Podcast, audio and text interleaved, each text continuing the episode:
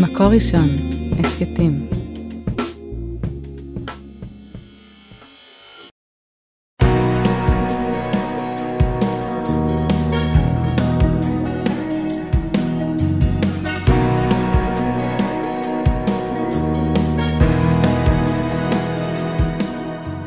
שלום הרבנית שירה מרילי מירביס. שלום הרבנית חמוטל שובל. פרשת מסעי, מסיימות חומש. מאיזה כיף.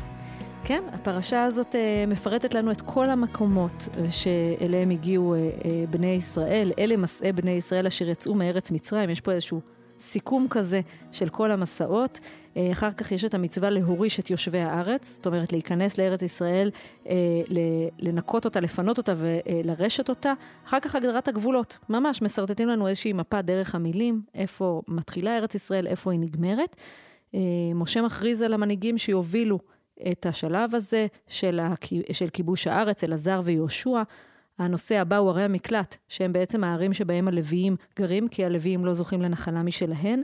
חשיבות שמירת הנחלות, ואנחנו בעצם מסיימים עם uh, סיכום uh, סיפור בנות צלופחד, איך כשהם בגרו הם התחתנו uh, עם uh, מישהו מקרובי משפחה רחוקים, וככה הנחלות uh, נשארו בתוך השבט, וכך מסתיים לו החומש.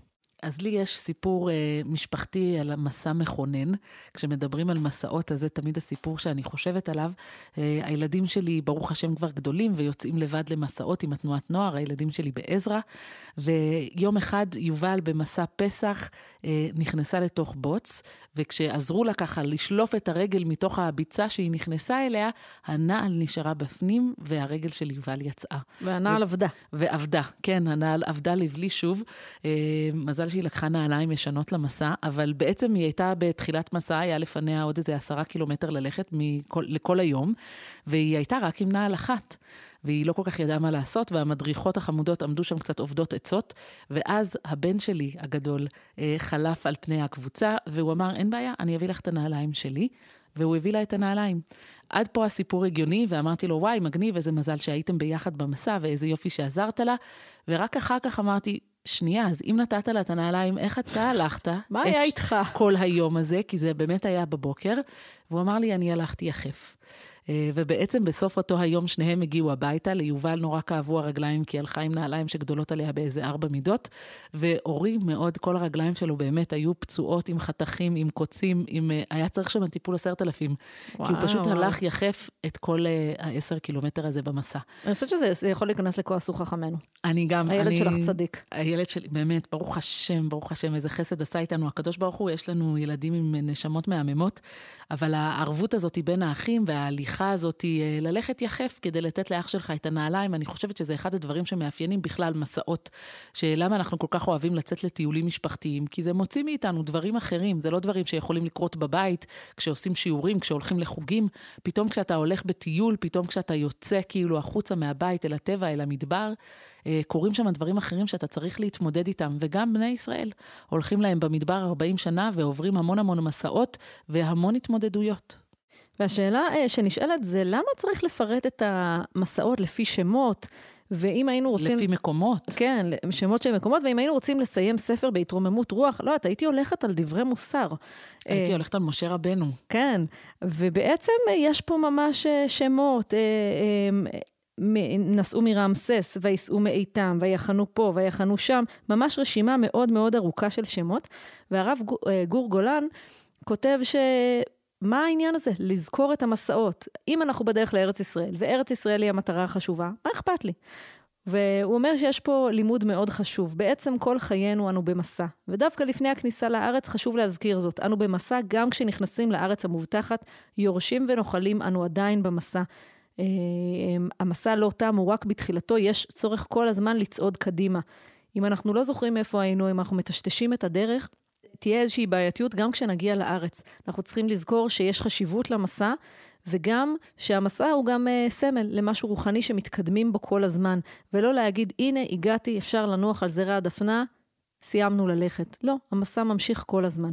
אז גם המלבי מתייחס לשאלה הזאת, למה אנחנו צריכים, לא רק למה התורה ציינה את כל המסעות, אלא למה בכלל בני ישראל היו צריכים את כל המסעות האלו.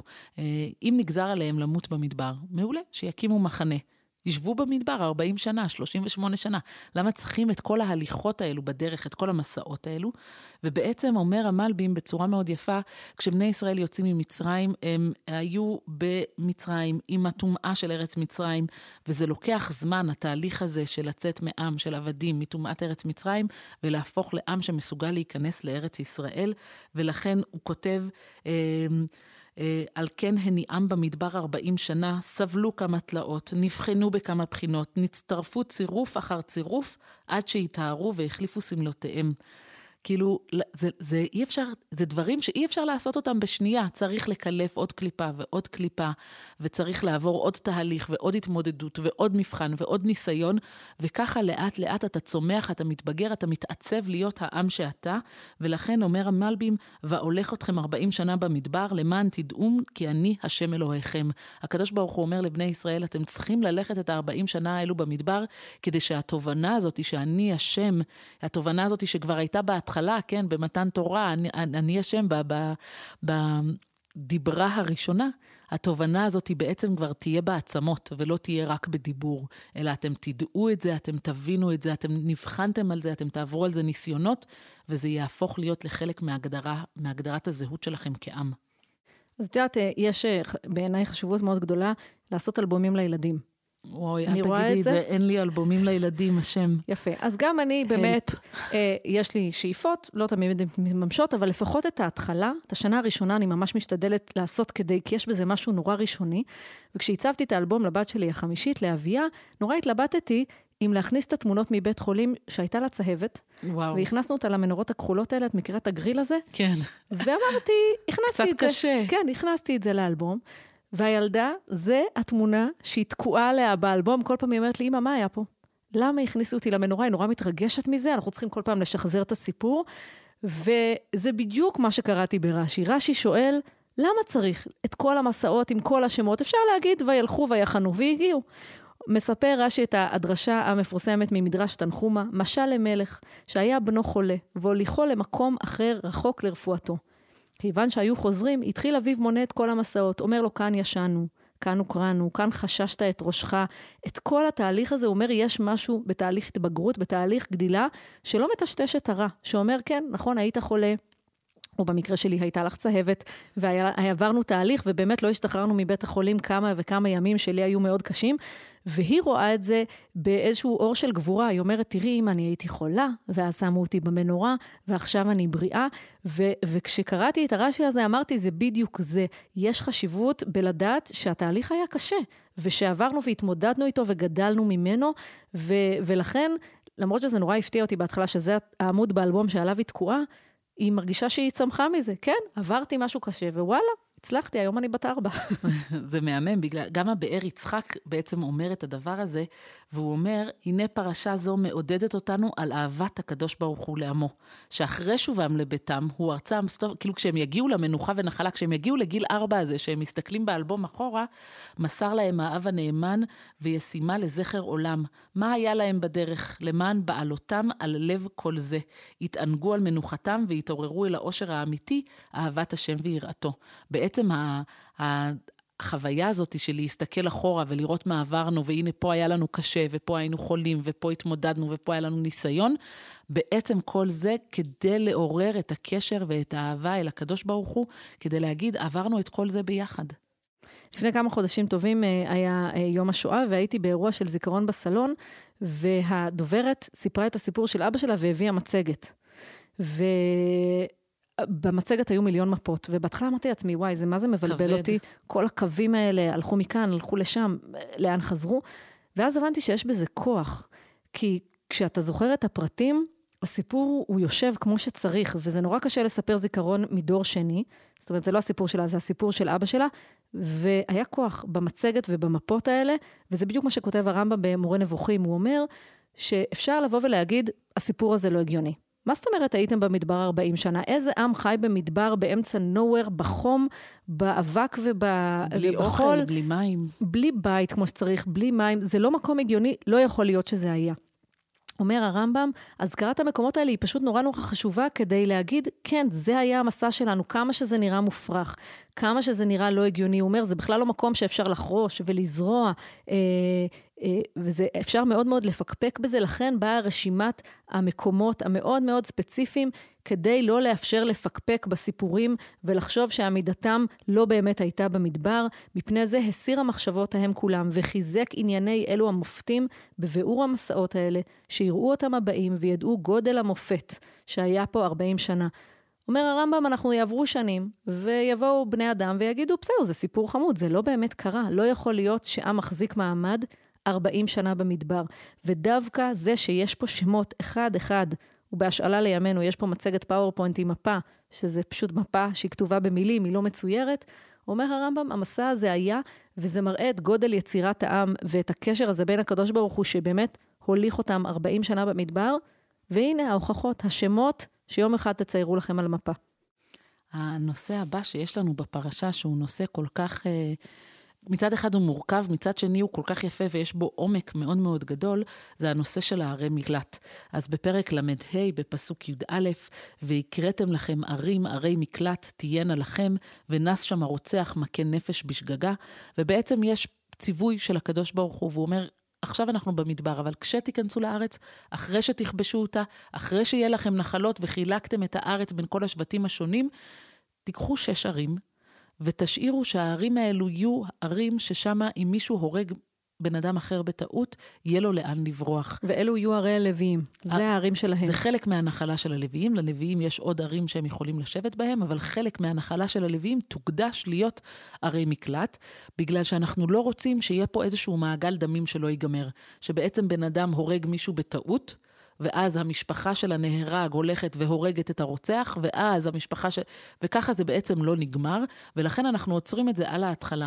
מישהו נהרג פה בטעות, קרה פה משהו נורא ואיום, ברור שיש לזה השלכות במציאות, הרוצח צריך לברוח על נפשו. אבל אחד הדברים היפים שהגמרא מספרת לנו במסכת מכות, זה שיושבת האימא של הכהן הגדול, ותופרת בגדים לאנשים האלו, לרוצחים בשגגה, שברחו להרי המקלט. ויש בזה תיאור שהוא כל כך ציורי ויפה, איך האימא הזאת יושבת ורוקמת, אה, ובעצם היא אומרת, אני לא רוצה שהאנשים האלו, הרוצחים בשגגה, יושבים בערי המקלט, ובעצם מה הם מחכים? הם מחכים שהכהן הגדול ימות, כי הם יודעים שברגע שהכהן הגדול מת, זה השלב שבו כאילו נמחה להם, והם יכולים לחזור מערי המקלט לעיר המקורית שלהם, אולי הם יכולים לחזור לבית שלהם, למשפחה שלהם.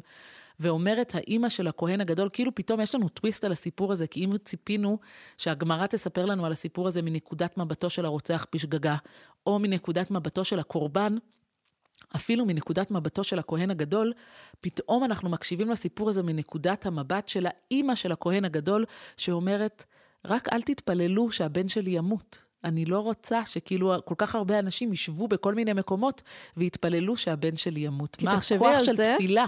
תחשבי על זה שזה בעצם הגדרת זמן נורא מוזרה. נכון. אפשר היה להגיד, הם יהיו שם עשר שנים, חמש שנים, מאסר עולם. כמו שאנחנו עושים, כאילו, כשאתה שולח בן אדם לכלא, אתה אומר לו עשר, חמש, חמש עשרה.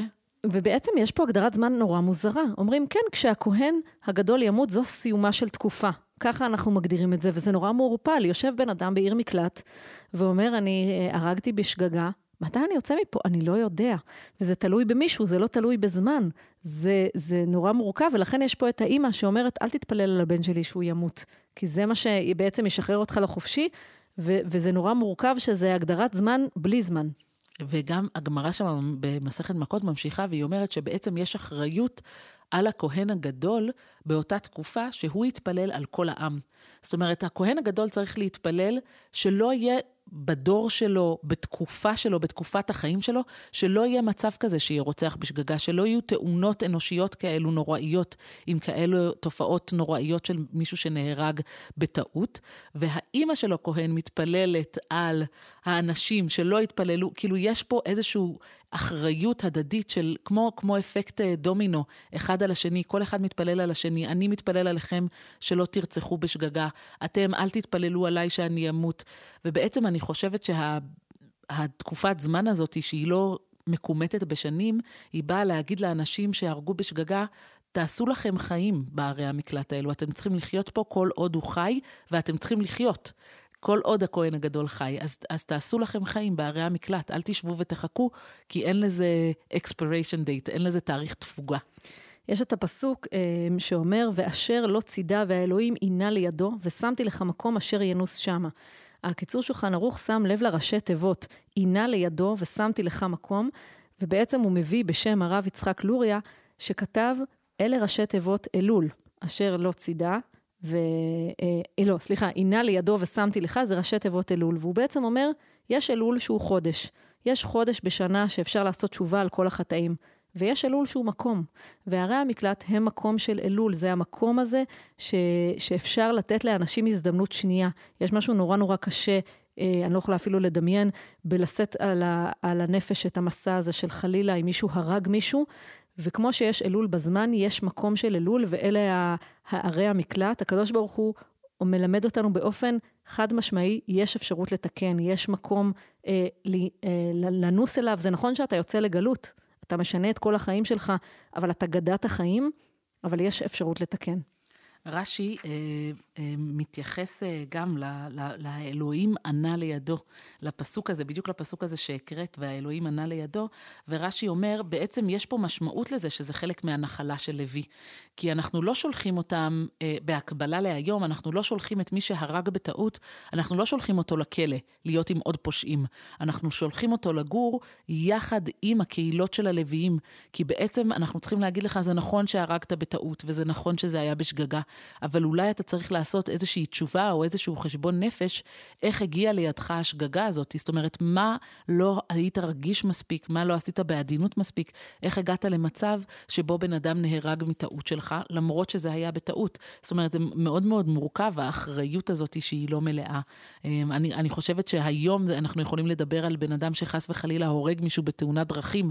כמובן שלא היה לו כוונה או רצון להרוג, אבל עדיין יש פה מעשה שהוא מאוד מאוד חמור, ובעצם בזה שאתה גר ליד הלוי, אנחנו אומרים, בוא תלמד מה עשית שהוא לא רגיש מספיק, שגרם לכך שהרגת מישהו בטעות. הדבר האחרון שאיתו אנחנו מסיימים את החומש ואת הספר כולו, זה אזכור נוסף אה, לסיפור של בנות צלופחד, נכון? הסיפור מפורסם. איך אני אוהבת את בנות צלופחד? חמש בנות, אני מתחברת באופן אישי, בתור אימא לחמש בנות, שאומרות, רגע, איך אנחנו יכולות לנחול את הארץ? הרי הארץ ניתנה לגברים, ואנחנו אחיות. ואנחנו רוצות שהנחלה של אבא שלנו תישאר אצלנו במשפחה. ובאופן מפתיע, יש פה משפחתולוגיה די ארוכה, אומר הפסוק, ויקרבו ראשי האבות למשפחת בני גלעד, בני מכיר, בן מכיר, בן מנשה, ממשפחות בני יוסף, וידברו לפני משה. אומרים את כל הייחוס שלהם כן. עד יוסף. בדיוק, ו- ובעצם למה יוסף?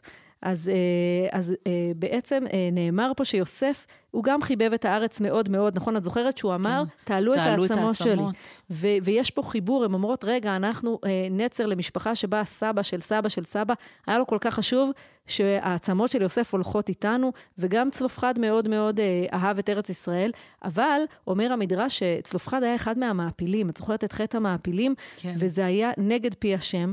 והן בעצם אומרות, אנחנו חוזרות לסבא של סבא של סבא, אנחנו אוהבות את הארץ, אנחנו אה, מתחברות ליוסף דווקא, ואומרות, באמת, תן לנו נחלה כאן, וזה לא, אה, לא בא חלילה ממקום לא טוב, אלא באמת מחיבור לסבא ומאהבה אה, לארץ ישראל.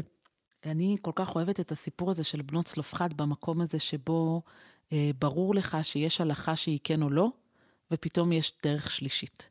אה, זה נכון ש, שיש נכון ולא נכון, כשר ולא כשר, טהור וטמא, אסור ומותר, אבל כאילו זה, המציאות מכריחה אותך להבין שלפעמים יש מקומות שזה לא כזה פשוט, שזה לא כן או לא, שיש פה איזושהי דרך אחרת יצירתית שאפשר להסתכל על זה, שאפשר אה, לראות את זה ולהכיר בזה שהמוטיבציה שלהם זה באמת כי הייתה להם אהבת ארץ ישראל, כי הם באמת רצו לח, לקחת חלק גם בעם ישראל וגם בארץ ישראל. והכלי ולכ... יקר אומר, היה אפשר לפתור את חטא המרגלים אם היינו שולחים נשים. מכירה את הפירוש הזה? זה פירוש שאנשים שולחים לי אותו כל שנה אה, בוואטסאפ, בפרשת שלח, ואומר הכלי יקר, אה, לפי שאמרו רבותינו, האנשים היו שונאים את הארץ ואמרו, ניתנה ראש ונשובה מצרימה. והנשים היו מחבבות את הארץ ואמרו, תנה לנו אחוזה. לוקח הכלי יקר ומשווה את המרגלים לבנות צלופחד, והוא אומר, תראו, לבנות צלופחד יש אהבת ארץ ישראל כל כך גדולה, והמרגלים נפלו בזה. ועל כן אמר הקדוש ברוך הוא, לפי דעתי, שאני רואה בעתיד, היה יותר טוב לשלוח נשים המחבבות את הארץ כי לא יספרו בגנותה.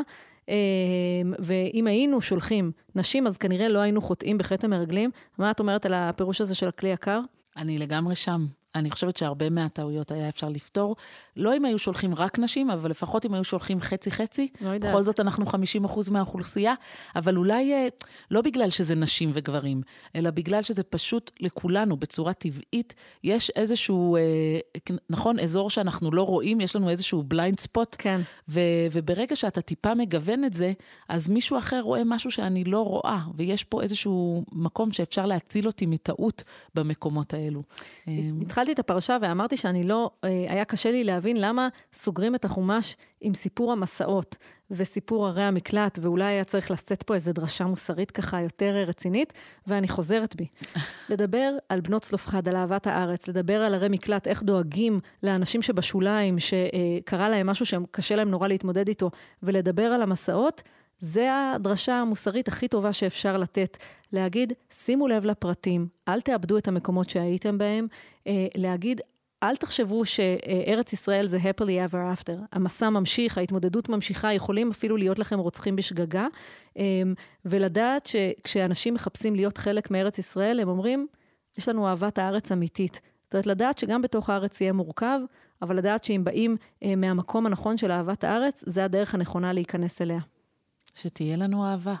על ההקלטה והסאונד אוהד רובינשטיין, על ההפקה והעריכה יהודית טל, יאקי אפשטיין ועדי שלם רבינוביץ'. תודה רבה למאזינים. את הפרק הזה, כמו את שאר פרקי הסדרה והסכתים רבים נוספים, תוכלו למצוא באתר מקור ראשון, בשורת ההסכתים של מקור ראשון, בספוטיפיי, באפל מיוזיק וגם בגוגל. שבת שלום. שבת שלום.